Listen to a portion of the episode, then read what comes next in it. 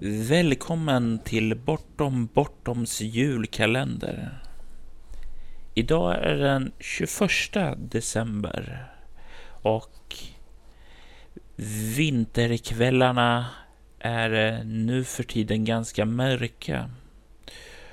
Och ett bra sätt att spendera en mörk härlig vinterkväll på är att faktiskt krypa upp i soffan och kolla på en riktigt, riktigt härlig gammal klassisk skräckfilm. Så bakom dagens lucka så tänkte jag faktiskt ge ett litet tips på en film och även ge några förslag på vad som jag tycker är bra från filmen och som kan användas i rollspel. Filmen som jag tänker på heter Black Christmas.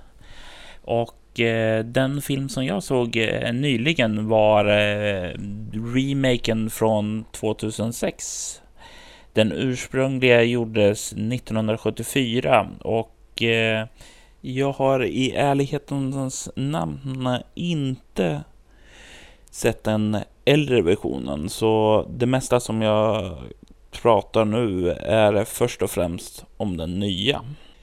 Även om jag gissar på att väldigt mycket stämmer in även på gamla. Black Christmas handlar om ett eh, gäng eh, sorority-tjejer eh, som blir kvar i sitt eh, i sin dorm eh, över julen. Huset där tjejerna lever har en gång i tiden varit hem för den unge pojken Billy. Billy föddes då med en leversjukdom som gav han en gul hud. Och han föddes verkligen in i en stereotypisk familj som hatade varandra. Och genom tillbakablickar så skildras händelserna i Billys liv som eh, bygger upp till en klimaktisk eh, scen som definierar honom som den hemska seriemördaren som så ofta finns i skräckfilmer. En av de sakerna jag verkligen gillar med filmen är hur den använder klipp för att åstadkomma en eh, särskild dramaturgi.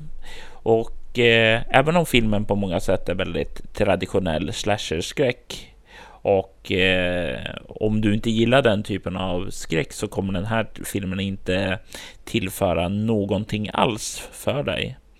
Men vad som jag tycker gör den här Black Christmas höjer sig något över den andra i samma genre är just hur de använder sig av klippen.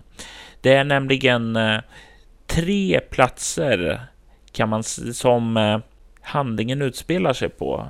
Vi har huset där eh, collegeflickorna lever. Sen har vi samma hus, men vid tiden då Billy var ung. Och så har vi ett mentalsjukhus där Billy i nutiden sitter inspärrad. Och sätten som de använder i klippen gör att man får hela storyn bitvis berättad samtidigt som det används för att skapa förväntningar hos tittaren. Och det är det här som jag tycker att fler bör tänka på när de spelleder sina berättelser. Hur kan man använda klipp för att åstadkomma en rejäl twist eller skapa en djupare story? Istället för att berättaren säger ja, du läser informationen i den här boken Ge dem då statister, enkla roller som de kan spela i den här miljön. Så att istället för att de ska få höra informationen så får de bli delaktiga och uppleva den. Men jag tycker nu att ni ska ta er tiden.